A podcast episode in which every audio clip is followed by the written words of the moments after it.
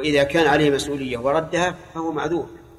أما لو أخذها في الأول وهو يعلم المسؤولية ثم بدا له فندم وأراد أن يردها إلى مكانها فإنه لا يملك هذا لأنه أخذها عن علم وبصيرة فلا يمكن أن يردها فلو ردها ضمنها بكل حال مع الإثم. فإن قال أنا لا أريد أن أتعب نفسي فيها. فماذا أصنع؟ نقول الحمد لله لنا طريق آخر وهو الرجوع إلى بيت المال إرجاعها إلى بيت المال. وظاهر هذا الحديث أنه لا فرق بين أن تكون اللقطة في مكة أو في غيرها وإلى هذا ذهب أكثر أهل العلم. وقال إن لقطة الحرم كلقطة الحل. وذهب بعض العلماء إلى أن لقطة الحرم لا تملك بالتعريف وأن الإنسان إما أن يأخذها على أنه يعرفها دائما وأبدا وإما أن يدعها لأن النبي صلى الله عليه وسلم قال لا تحل ساقطتها إلا لمنشد. وهذا حكم خاص. والقاعدة الشرعية أن العمومات يجوز أن تخصص. وعلى هذا فنقول إن لقطة مكة لا يحل للإنسان أن يأخذها إلا إذا كان يريد أن ينشدها دائما. فإذا قال قائل إذا وجدت اللقطة مكة إن تركتها أخشى أن يأخذها من لا يعرفها. فهل لي أن آخذها؟ وأعطيها المسؤولين عن ذلك؟ فالجواب نعم بل يتعين في هذه الحال إذا خفت من ضياعها أن تأخذها وتسلمها للمسؤولين عن ذلك الذين يتقبلون مثل هذه الأموال. نعم. وحدثنا يحيى بن أيوب وقتيبة وابن حجر قال ابن حجر أخبرنا وقال الآخران حدثنا إسماعيل وهو ابن جعفر عن ربيعة بن أبي عبد الرحمن عن يزيد مولى المنبعث عن زيد بن خالد الجهني أن رجلا سأل رسول الله صلى الله عليه وسلم عن اللقطة فقال عرفها سنة ثم اعرف عفاف وكاءها وعفاصها ثم استنفق بها. فإن جاء ربها فأدها إليه فقال يا رسول الله فضالة الغنم قال خذها فإنما هي لك أو لأخيك أو للذئب. قال يا رسول الله فضالة الإبل. قال فغضب رسول الله صلى الله عليه وسلم حتى احمرت وجنتاه أو احمر وجهه ثم قال ما لك ولها؟ معها حذاؤها وسقاؤها حتى يلقاها ربها. وحدثني أبو الطاهر قال أخبرنا عبد الله بن وهب قال أخبرني سفيان الثوري ومالك بن أنس وعمرو بن الحارث وغيرهم أن ربيعة بن أبي عبد الرحمن حدثهم بهذا الإسناد مثل حديث مالك غير أنه زاد قال أتى رجل رسول الله صلى الله عليه وسلم وأنا معه فسأله عن اللقطة. قال وقال عمرو في الحديث فإذا لم يأت لها طالب فاستنفقها. وحدثني أحمد بن عثمان بن حكيم الأودي.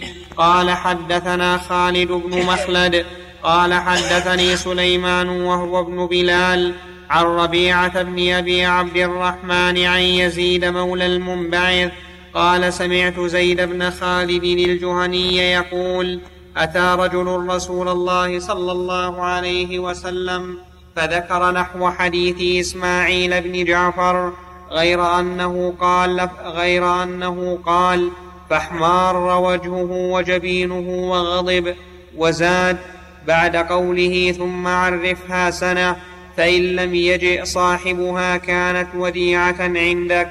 حدثنا عبد الله بن مسلمة بن قعنب قال حدثنا سليمان يعني بن بلال عن يحيى بن سعيد عن يزيد مولى المنبعث أنه سمع زيد بن خالد الجهني صاحب رسول الله صلى الله عليه وسلم يقول سئل رسول الله صلى الله عليه وسلم عن اللقطة الذهب أو الورق فقال أعرف وكاءها وعفاصها ثم عرفها سنة فإن لم تعرف فاستنفقها ولتكن وديعة عندك فإن جاء طالبها يوما من الدهر فأدها إليه وسأله عن ضالة الإبل فقال ما لك ولها؟ دعها. فإن معها حذاءها وسقاها ترد الماء وتأكل الشجر حتى يجدها ربها وسأله عن الشاة فقال خذها فإنما هي لك أو لأخيك أو للذئب.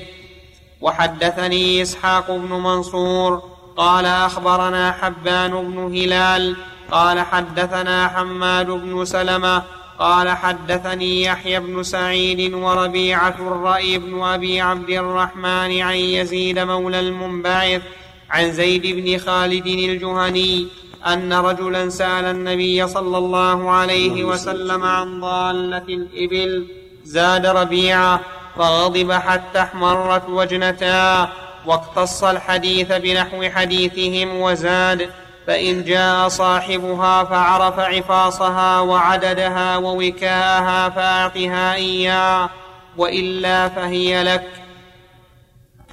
وحدثني أبو الطاهر أحمد بن عمرو بن سرح قال أخبرنا عبد الله بن وهب قال حد حدثني الضحاك بن عثمان عن أبي النضر عن بسر بن سعيد عن زيد بن خالد الجهني قال سئل رسول الله صلى الله عليه وسلم عن اللقطة فقال عرفها سنة فإن لم تعترف فاعرف عفاصها ووكاءها ثم كلها فإن جاء صاحبها فأدها إليه.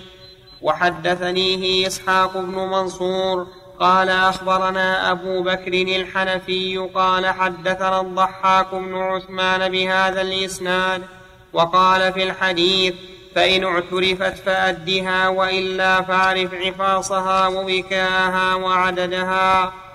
وحدثنا محمد بن بشار قال حدثنا محمد بن جعفر قال حدثنا شعبة حا وحدثني أبو بكر بن نافع واللفظ له. قال حدثنا غندر قال حدثنا شعبة عن سلمة بن كهيل قال سمعت سويد بن غفلة قال خرجت أنا وزيد بن صوحان وسلمان بن ربيعة غ...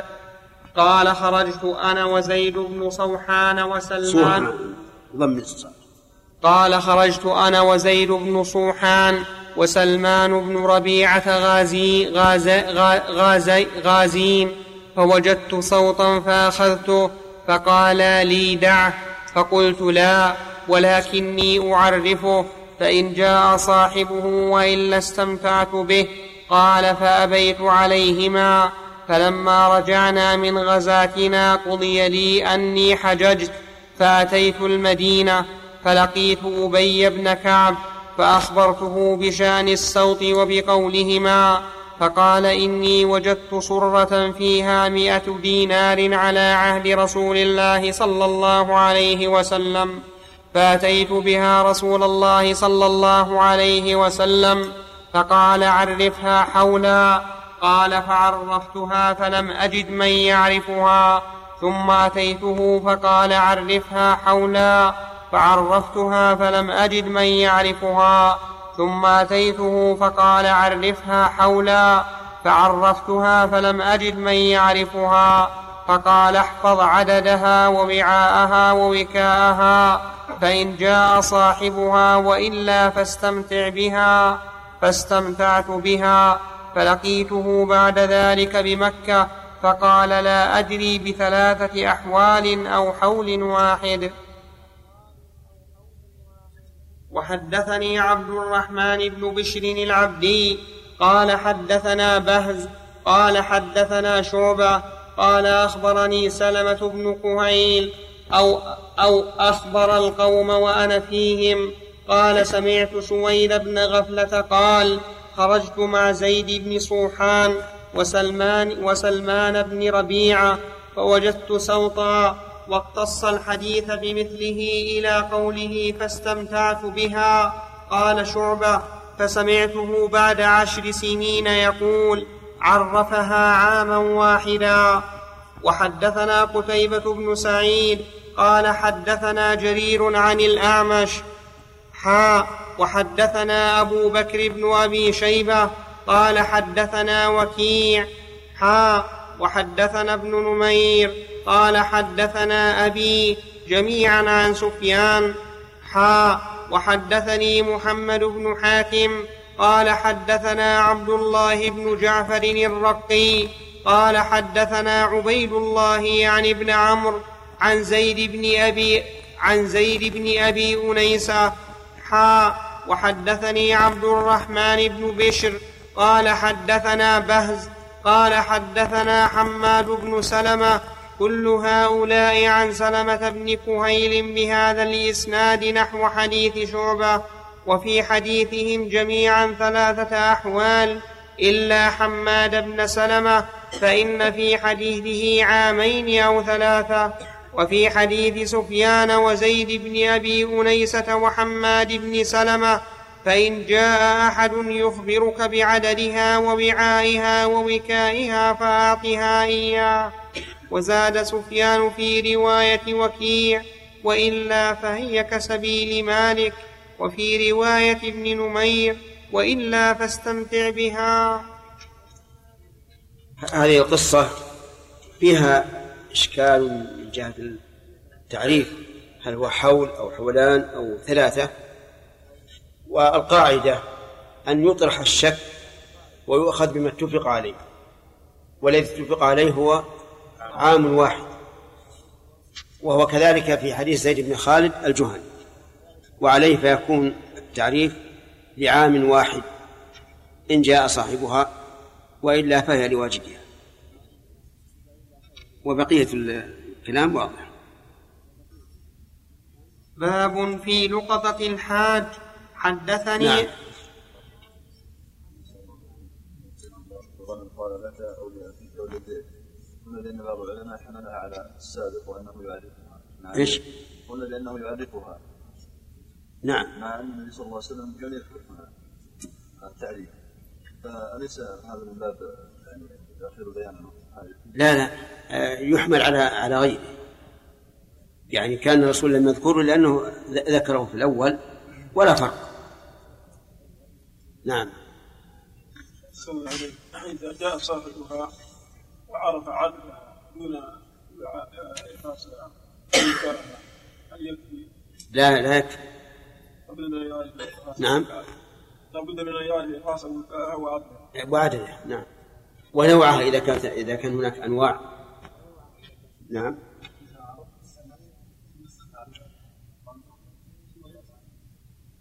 فيضمنها له نعم. ها؟ تبقى في ذمته نعم.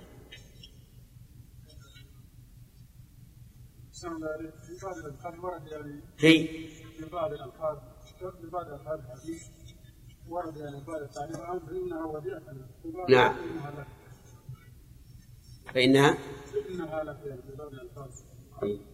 فهي لك من حيث التصرف. وديعة من حيث ضمانها لصاحبها. ويقول وديعة يعني بمنزلة الوديعة. وإلا فإنه إذا إذا استنفقها بأمر النبي صلى الله عليه وعلى آله وسلم لم تكن وديعة. لكنها في حكم الوديعة من حيث من حيث الضمان. واعجب أنه لو تلفت قبل الحول بدون تعد ولا تفريط فلا ضمان على الواجب لأن يده يد أمانة وإن تلفت بعد الحول بلا تعد ولا تفريط فعلى واجدها الضمان. وهذا من غرائب العلم لأنه قد يتبادر للذهن أنها إذا تلفت بعد الحول إيش؟ فلا ضمان عليه. خصوصا وأن النبي صلى الله عليه وعلى آله وسلم قال ولتكن وديعة عنده فإن الوديعة لا تضمن إلا بتعد أو تفريط. لكن هؤلاء العلماء يقولون لما تم الحول دخلت في ملكه. فلما دخلت في ملكه صارت إيش؟ من ضمانه. والمسألة تحتاج إلى تحرير لأنه ما زال في نفسه من هذا شيء. كيف نقول إنه في الأول يضمن مع أنه ليس في ملكه؟ ونقول الآن يضمن مع أنه قد أذن له فيها. وقال النبي عليه الصلاة والسلام هي لك. فإن لم يكن خلاف في المسألة فالأمر على ما اتفق عليه العلماء. وإن كان في خلاف فالقول قول من يقول إنه لا ضمان عليه إلا إذا تعدى أو فرط والله على كل حال هو شيخنا عبد الرحمن السعدي أحيانا يتمثل بأبياته. يعني إنها أعجبته. وهي محل يعني التقدير من جهة الحكم. فيها شيء عجيب. كلمة لمن؟ قال الإمام مسلم رحمه الله تعالى في صحيحه في كتاب اللقطة باب في لقطة الح... قال المترجم لصحيح مسلم باب في لقطة الحاج. قال مسلم رحمه الله حدثني أبو الطاهر ويونس بن عبد الأعلى قال أخبرنا عبد الله بن وهب قال أخبرني عمرو بن الحارث عن بكير بن عبد الله بن الأشج عن يحيى بن عبد الرحمن بن حاطب عن عبد الرحمن عن عبد الرحمن بن عثمان التيمي أن رسول الله صلى الله عليه وسلم نهى عن لقطة الحاج. وحدثني أبو الطاهر ويونس بن عبد الأعلى قال حدثنا عبد الله بن وهب قال أخبرني عمرو بن الحارث عن بكر بن سوادة عن أبي سالم الجيشاني عن زيد بن خالد الجهني عن رسول الله صلى الله عليه وسلم أنه قال من آوى ضالة فهو ضال ما لم يعرفها. الحين الأول لقطة الحاج والمراد بذلك ما كان داخل الحرم أي داخل حدود الحرم. فإن النبي صلى الله عليه وعلى آله وسلم بين أن لا أن لقطة أن ساقطة مكة لا تحل إلا لمنشد. وإذا كانت إذا كان حاجا صار احترامه أشد. يعني مثل أن تكون هذه اللقطة مما يستعمله الحجاج. كثياب الإحرام وكذلك محازم النفقة وما أشبهها صار التقاطها أشد. ولكن وسبق الكلام على هذا وبينا أنه إذا كان يخشى أن يأخذها من لا يعرفها ولا يوصلها إلى المسؤولين فإنه إيش؟ يلتقطها ويأخذها حتى يؤديها إلى المسؤولين. أما الحديث الثاني من آوى ضالة فهو ضال فالمراد بذلك الضالة التي تمتنع من سباع من من صغار السباع كالإبل والبقر. وأما الضالة التي كالشاة وشبهها فمن آواها وعرفها فلا فلا فليس بضال. نعم. باب تحريم حلب الماشية بغير إذن مالكها. حدثنا يحيى بن يحيى التميمي قال قال قرأت على مالك بن أنس عن نافع عن ابن عمر أن رسول الله صلى الله عليه وسلم قال لا يحلبن لا يحلبن أحد ماشية أحد إلا بإذنه أيحب أحدكم أن تؤتى مشربته فتكسر خزانته فينتقل طعامه إنما إنما تخزن لهم ضروع مواشيهم أطعمتهم. فلا يحلبن أحد ماشية أحد إلا بإذنه. وحدثناه قتيبة بن سعيد ومحمد بن رمح جميعا عن الليث بن سعد. حاء وحدثناه أبو بكر بن أبي شيبة قال حدثنا علي بن مسهر. حاء وحدثنا ابن وحدثنا ابن نمير قال حدثنا أبي كلاهما عن عبيد الله. حاء وحدثني أبو الربيع وأبو كامل قال حدثنا حماد. حاء وحدثني زهير بن حرب قال حدثنا إسماعيل يعني ابن علي جميعا عن أيوب حاء وحدثنا, ابن أبي عمر قال حدثنا سفيان عن إسماعيل بن عن إسماعيل بن أمية حاء وحدثنا محمد بن رافع قال حدثنا عبد الرزاق عن معمر عن أيوب. عن أيوب وابن, وابن جريج عن موسى كل هؤلاء عن نافع عن ابن عمر عن النبي صلى الله عليه وسلم نحو حديث مالك غير أن في حديثهم جميعا فينتثل إلا الليث بن سعد فإن في حديثه فينتقل طعامه كرواية مالك. هذا حلب الماشية يعني التي تكون في البر. أما الماشية في البيوت فهي محصنة في بيوت أصحابها. فلا يحل لإنسان وجد ماشية في البر من إبل أو بقر أو غنم أن يحلبها إلا بإذن صاحبها والإذن نوعان إذن لفظي بحيث يقول لشخص معين إذا شئت أن تحلب من غنمي فافعل. كما قال ذلك صاحب الغنم الذي وافقه النبي صلى الله عليه وعلى آله وسلم في الهجرة. والثاني الإذن العرفي فإذا جرى عرف الناس أن ابن السبيل إذا مر بالماشية وكان محتاجا إلى إلى لبن فإنه يحلب منه يحلب منها فهذا إذن عرفي. لكن اعلم أن الإذن العرفي لا بد أن يكون مضطردا. بمعنى أنه إذا كان بعض الناس كريما ويحب أن أن تحلب ماشيته فهذا تحلب. وإذا كان غيره لا يرى لا يرغب هذا فلا تحلب. فالعرف إذن لا لا يعمل به إلا إذا كان مضطردا عند جميع الناس. أما إذا كان مما يختص به الكرماء فإنه لا لا يشمل إلا أموال الكرماء فقط.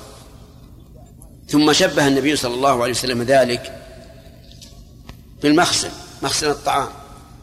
المشربة هي عبارة عن غرفة صغيرة ما هي كبيرة يخزن بها الطعام. لو أن أحدا أتى إلى مشروبة إنسان وكسر الباب وأخذ من طعامه أيرضى بهذا؟ الجواب؟ لا لا شك. هكذا يقول النبي صلى الله عليه وسلم إن ضروع البهائم إنها بمنزلة هذه الخزانة. فهي خزانة للحليب للبن. والتشبيه هذا في غاية ما يكون من الإقناع. فإن كل أحد يعلم أنه لا لا, لا يمكن أن تأتي إلى خزانة شخص فيها طعام وشراب وتكسرها وتأكل. كذلك الحليب. نعم. يعني ابن السبيل أو واحد يعني إذا صار محتاج يعني ضرورة. نعم. إي نعم. هل هو نعم. إذا كان ضرورة لا بأس. ولكنها تكون عليه بالقيمة. نعم وليد. الحديث عن أبي هريرة يا شيخ إن الله ابتلى ثلاثة إنسان من بني إسرائيل الأقرع والأعمى. نعم. إي نعم. الجواب سهل. لأن هذا الذي الذي أتى إليهم يطلب قد انقطعت بالحبال. فلا بلاغ له إلا بذلك. نعم. نعم. قد انقطعت بالحبال في السفر. فلا بلاغ لي اليوم إلا بالله ثم بك. هذا ضرورة. فلما منعوا هذه الضرورة عوقبوا والعياذ بالله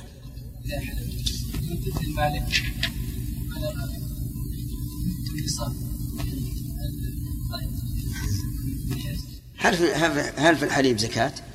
إيه؟ ها؟ ها؟ ها يعني قصدي إذا إذا من جهة نصاب السرقة يعني. إيه؟ تكون إذا كانت الماشية في في حرز أما إذا كانت في البر فليس بحرز لأن هذا حرز فيما هو غير حرز.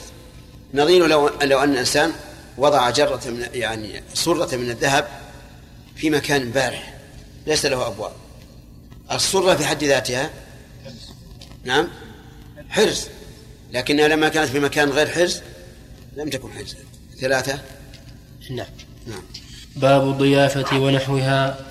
حدثنا قتيبة بن سعيد قال حدثنا ليث عن سعيد بن أبي سعيد عن أبي شريح العدوي أنه قال سمعت أنه قال سمعت أذناي وأبصرت عيناي حين تكلم رسول الله صلى الله عليه وسلم. فقال من كان يؤمن بالله واليوم الآخر فليكرم ضيفه جائزته. قالوا وما جائزته يا رسول الله؟ قال يومه وليلته. والضيافة ثلاثة أيام. فما كان وراء ذلك فهو صدقة عليه. وقال من كان يؤمن بالله واليوم الآخر فليقل خيرا أو ليصمت. في هذا الحديث دليل على أن الإنسان إذا خاف أن لا يقبل حديثه فليؤكده ولهذا أكد أبو شريح رضي الله عنه هذا بأنه سمعته أذناه وأبصرته عينا وأبصرت عيناه رسول الله صلى الله عليه وسلم حين تكلم به. فهذا من باب توكيد الرواية. وقوله صلى الله عليه وسلم من كان يؤمن بالله واليوم الآخر المراد بالإيمان هنا كمال الإيمان.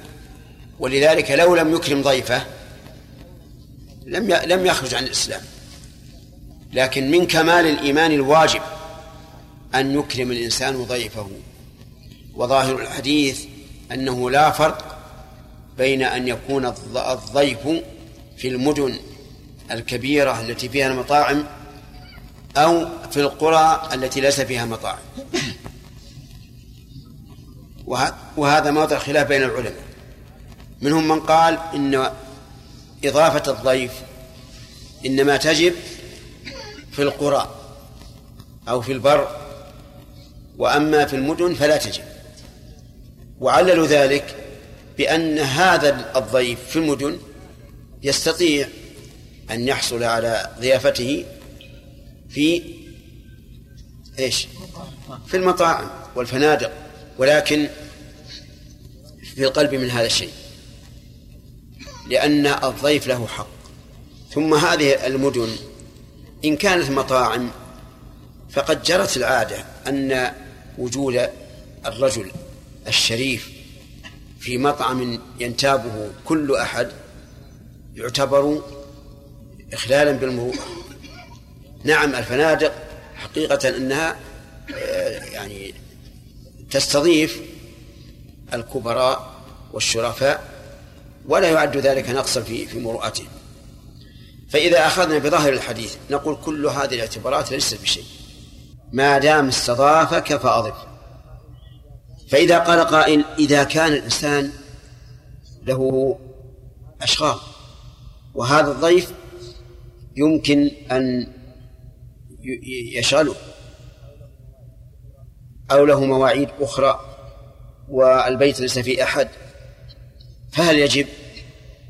الجواب لا لا يجب لكن في هذه الحال ينبغي له أن يعطيه ما يطعمه من طعام إن كان حاضرا عنده في البيت أو دراهم ويتعذر منه.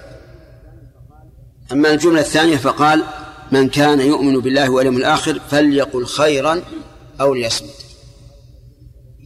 وهذا التوجيه النبوي. الرشيد لو أن الناس استعملوه لسلموا من آثام كثيرة. فالقول ثلاثة أقسام. قول شر وقول خير وقول لغو لا خير ولا شر. أما قول الشر فإن الإنسان يؤاخذ به ولا شك. وأما قول الخير فإنه يثاب عليه ولا شك.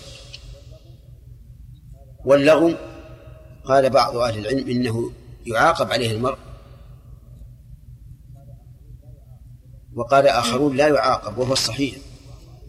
لأن النبي صلى الله عليه وسلم قال فليقل خيرا وهذه الدرجة العالية أو ليصمت وهذه الدرجة الثانية الصمت. قالوا فلغوا بمنزلة الصمت لأنه ليس فيه ثواب ولا عقاب. ومع ذلك نقول إنه من الوقار أن لا يتكلم الإنسان باللغو فليكن كلامه عليه كبذل الدراهم يعني غاليا إلا إذا كان فيه خير. ثم أعلم أن الخير نوعان خير ذاتي للكلام كالتسبيح والتكبير والتهليل والأمر بالمعروف والنهي عن المنكر والتعليم وما أشبه ذلك.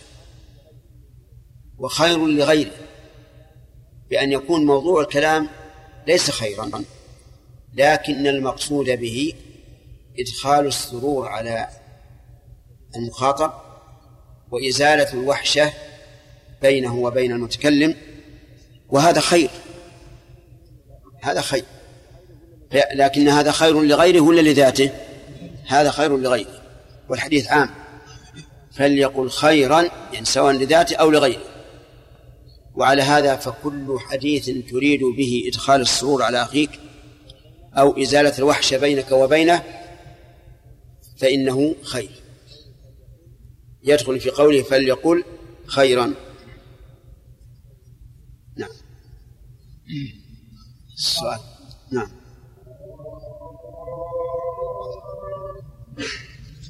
يأتي بعض الأعراف أن يكون الناس في مدينة واحدة لكن ربما يكون يعني في اطرافها ثم يلتقون ثم يعد إلى خدمة آخر. ثم يتكلم بالغياب ربما يكون مكلف هل مثل هذا يعني من الاكرام به الجيل أم من التبديل؟ الإكرام بحسب العرف ويختلف لا شك. فمثل الكبراء والوجهاء والأعيان ما يكفيهم أنك تجعل لهم مثل المتوسطين أو أو الفقراء. نعم هذا الذي يقع. يعزل مثلا وهو في طرف المدينة اقصى يرجع لا لا هذه هذه عادية لكن لو قدم من سفر وهو رجل كبير من كبراء القوم هذا ينبغي أن يكرم بما يليق به. وهذا أيضا لا اسم لا اسم مضيعة هذا يسمى دعوة. الأول والثاني إذا كان أنت اللي دعوته. الضيافة أن ينزل بك ضيفا عليه وهذا أيضا يكرم بما بما يليق به. ولا ولا ولا شك أن الناس يختلفون.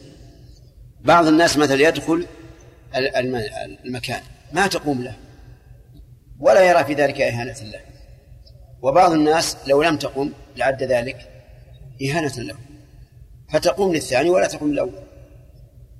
فكل مقام له مقام. لا ما فيها إذا كان داخلا إذا كان داخلا في الإكرام فهو خير وحق. الحمد لله. ما دام عدوا أكرام فهو أكرم نعم. الله عليكم. في الحرم إذا وجد شيء من المال في المصاحف أي عدم اللقطة أي في المطاف صاحب. أي نعم. الظاهر أنه يعرف اللقطة لأنه أحيانا الإنسان يضع مثلا ريال أو ريال أو خمسة ريال أو عشرة أو خمسين أو مئة أو مئتين. على أنه بياخذه وينسى. نعم. إذا رجع إلى آه. إذا رجع يرسلها الذين يحفرون الضائع. فيه في زاوية المسجد الشرقية مكتب لحفظ الضائع. وأظنه في جميع الجهات ما أدري نعم. ها؟ واحدة فقط. واحدة فقط. فيها أخونا سمير الجزائري الذي تكفل بأن يقيد الأحاديث التي تمر علينا في مصر أين هو؟ من يعرف عنه شيئا. نعم. ما هو يحضر؟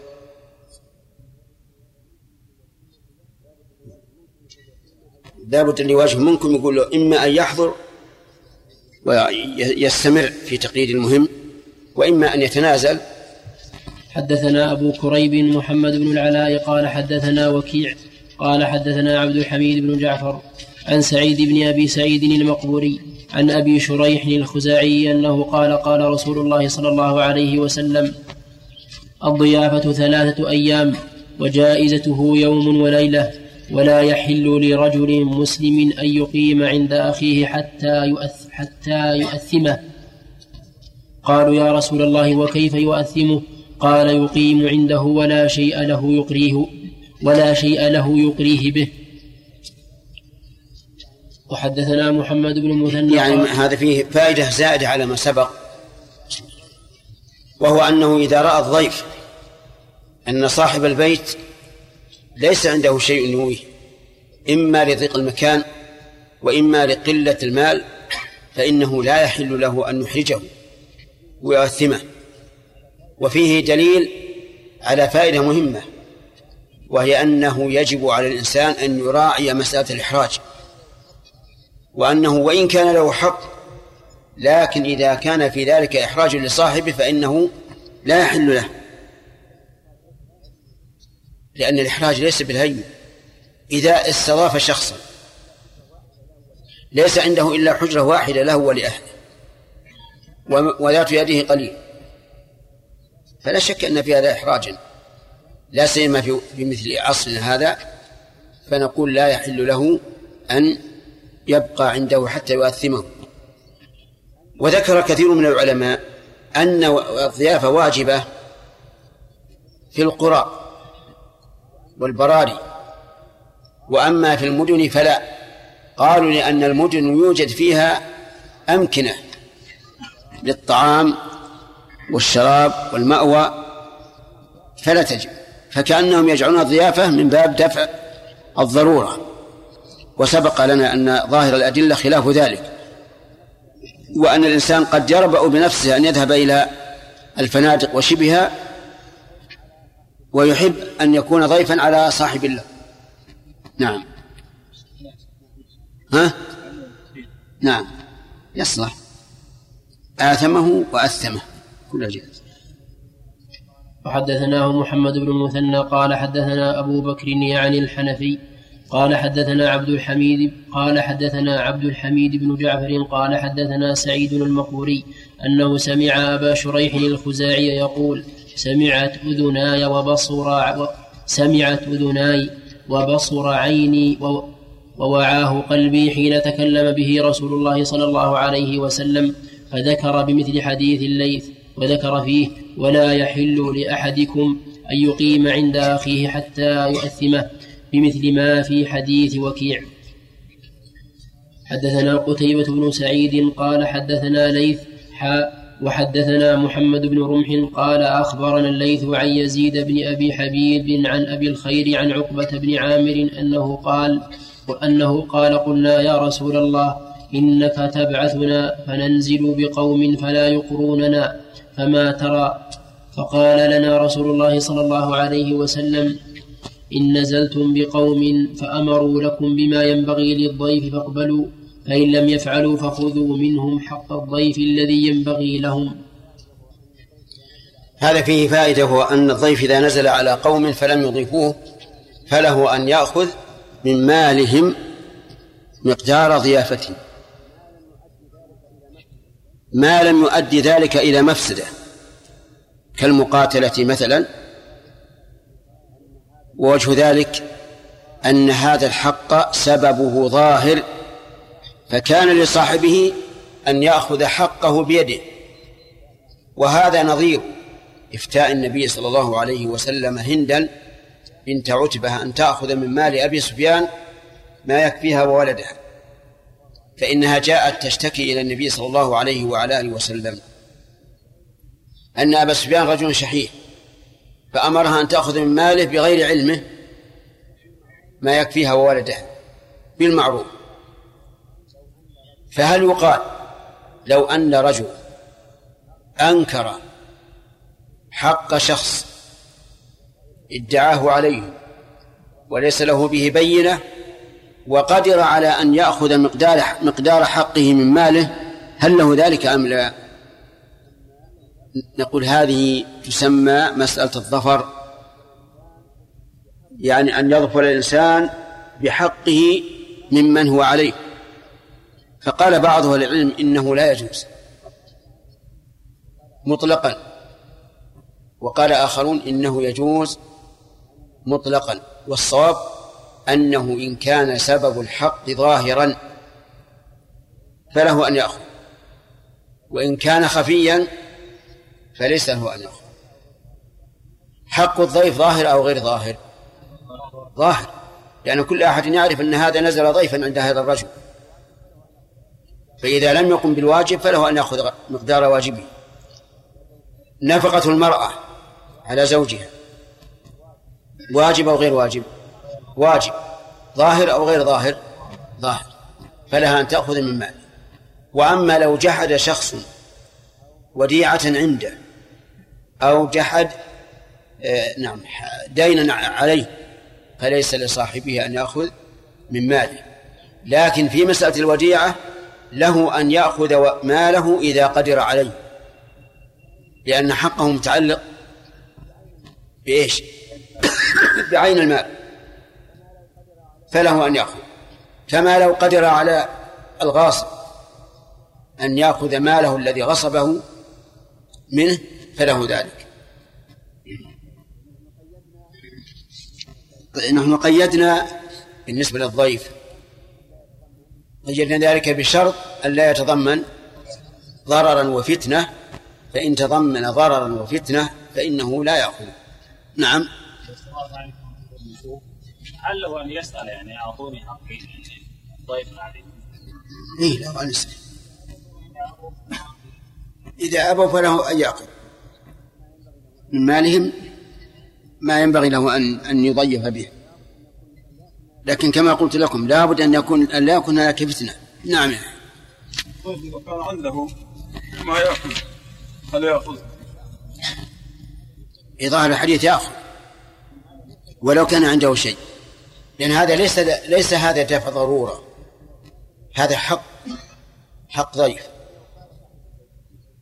لكن لو قال صاحب البيت مثلا أنا لا أستطيع أن أن تكون ضيفا عندي ولكن هذه دراهم اشتري بها ما, ما, ما تستطيع أن تقدر عليه. فهذا ينظر إذا كان يخشى أن أن يؤثمه يعني يضيق عليه فلا حرج. نعم يا جمعة شيخ أحسن الله بعض المراجع الناس ما عندهم عندهم مصاريف فنزل عنهم ضيف طرح له شاء أو خلق نعم. هذا عادة الضيافة عندهم بعض الناس اخوان يعني يجدون على الناس دائما يجدون الضيف عند الديوان لا لا. هؤلاء يسمون الطفيليين. لا ليس لهم حق. المشكلة كل يوم عند واحد إذا صار أهل القرية ثلاثين وستين نفر. معناها كل السنة لا يحتاج إلى إلى نفر. إيه. نعم. هذا سؤالك. ثلاثة؟ باب استحباب المواساة بفضول المال. حدثنا شيبان بن فروخ قال حدثنا أبو الأشهب عن أبي نضرة عن أبي سعيد الخدري قال بينما نحن في سفر مع النبي صلى الله عليه وسلم إذ جاء رجل على راحلة له قال فجعل يصف بصره يمينا وشمالا فقال رسول الله صلى الله عليه وسلم من كان معه فضل ظهر فليعد به على من لا ظهر له ومن كان له فضل من زاد فليعد به على من لا زاد له قال فذكر من أصناف المال ما ذكر حتى رأينا أنه لا حق لأحد منا في فضل وهذا لدفع الضرورة. ومن حسن أخلاق النبي صلى الله عليه وسلم أنه لم يذكر حاجة هذا الرجل في أول وهلة. بل قال من عنده فضل إيش؟ أول ماذا؟ ظهر. والرجل لا يحتاج إلى الظهر لأنه على راحلة ثم ذكر من عنده فضل زاد وما أشبه ذلك. لئلا يخجل الرجل. لو قال من عنده فضل زاد من أول وهلة لعرف الرجل أنه يريد أن يتصدقوا عليه. لكن إذا قال من عنده فضل ظهر وهو الرجل معه ظهر زال هذا هذا الوهم وقول حتى رأينا أنه لا حق لأحد منا في فضل. قلنا أن هذا عند إيش؟ عند الضرورة. وأما عند السعة فمن المعلوم أن النبي صلى الله عليه وعلى آله وسلم يعلم أن في أصحابه أغنياء. واسع الغنى. ومع ذلك لم يلزمهم بأن يتصدقوا بما فضل من أموالهم.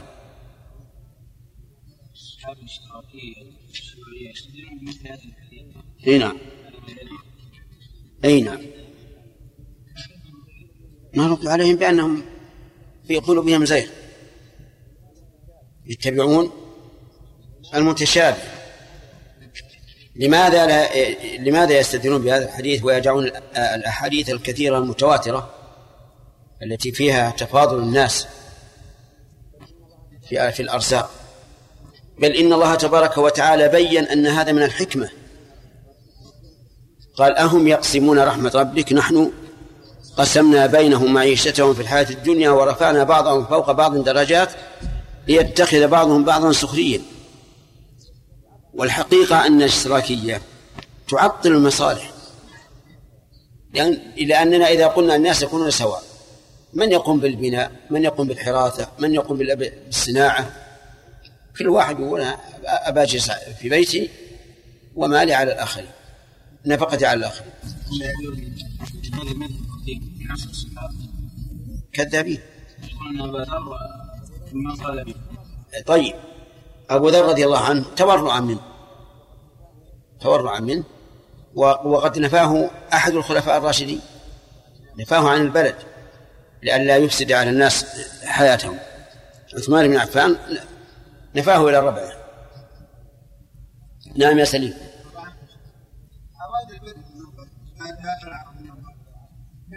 لماذا عدلت عن البدو إلى العرب؟ طيب. ما يخالف. يعني نفس الضيف. يعطي صاحب المحل. من الذي معه يقول ضيفنا إياه.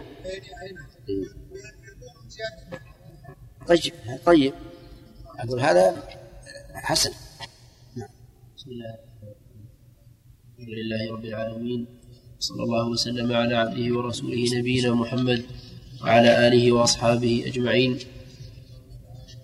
قال الإمام مسلم رحمه الله تعالى فيما ترجم له باب استحباب خلط الأزواج إذا قلت والمواساة فيها. حدثني أحمد بن يوسف الأزدي قال حدثنا النضر يعني ابن محمد اليمامي قال حدثنا عكرمة وهو ابن وهو ابن عمار قال حدثنا إياس بن سلمة عن أبيه أنه قال خرجنا مع رسول الله صلى الله عليه وسلم في غزوة فأصابنا جهد حتى هممنا أن ننحر بعض بعض ظهرنا فأمر نبي الله صلى الله عليه وسلم فجمعنا مزاودنا فبسطنا له نطعا فاجتمع زاد القوم على النطع قال فتطاولت لأحزره كمه فحزرته كربضة العنز ونحن أربع عشرة مئة. حتى قال فأكلنا حتى شبعنا جميعا ثم حشونا جروبنا. فقال نبي الله صلى الله عليه وسلم فهل من وضوء؟ قال فجاء رجل بإداوة له فيها نطفة فأفرغها في قدح فتوضأنا كلنا. ندغفقه ندغفقه دغفقة أربع عشرة مئة. قال ثم جاء بعد ذلك ثمانية فقالوا هل من طهور؟ فقال رسول الله صلى الله عليه وسلم فرغ الوضوء. هذه فيها آيات من آيات الرسول عليه الصلاة والسلام بتكثير الطعام والماء حتى إن هذا الذي حزره كربضة العنز طعم منه ألف وأربعمائة وكذلك الماء في إناء توضأ منه. ألف وأربعمائة. ورقة رؤيا الماء بين أصحاب النبي صلى الله عليه وعلى آله وسلم يجيش. وهو من آيات الله. فهل يؤخذ من هذا أنه ينبغي إذا قل الطعام وكثر الناس أن أن يجمع الناس أطعمتهم؟ الظاهر أنه يؤخذ منه وإن كان قد يعارض في هذا الأخذ. بأن يقال إن حال النبي صلى الله عليه وسلم لا تشبه أحوال الناس.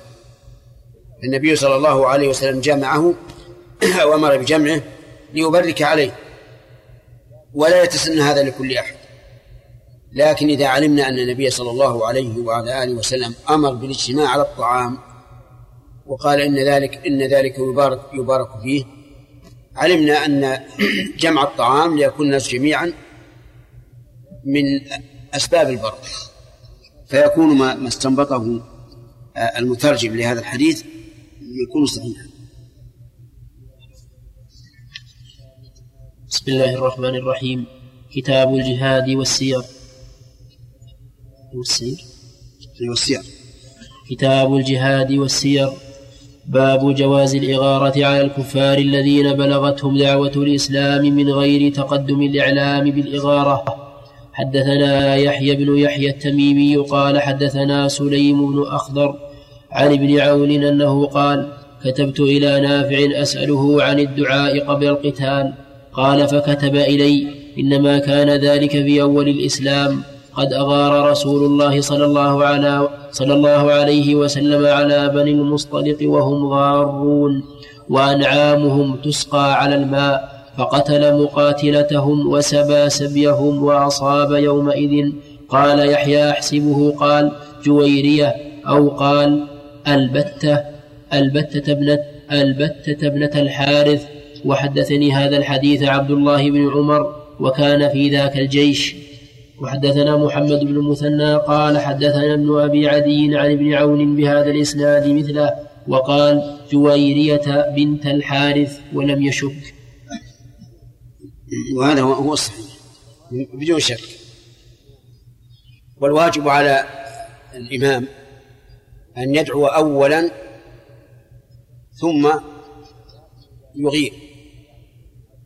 لكن إذا كانت الدعوة قد بلغت القوم فإنه لا حاجة إلى دعوتهم لأنهم لو كانوا يريدون الإسلام لأتوا وأسلموا. فتكون دعوتهم ما هي إلا تطويل للمدة فيغزون بدون دعوة. نعم آدم. يكفي نعم. لأنه سوف يأمرهم بالدخول في الإسلام فإذا أبوا صاروا معاندين. وكان النبي عليه الصلاة والسلام إذا أمر أميرا على جيش أو سرية يأمره أن يخير القوم بين الإسلام أو بذل الجزية أو القتال.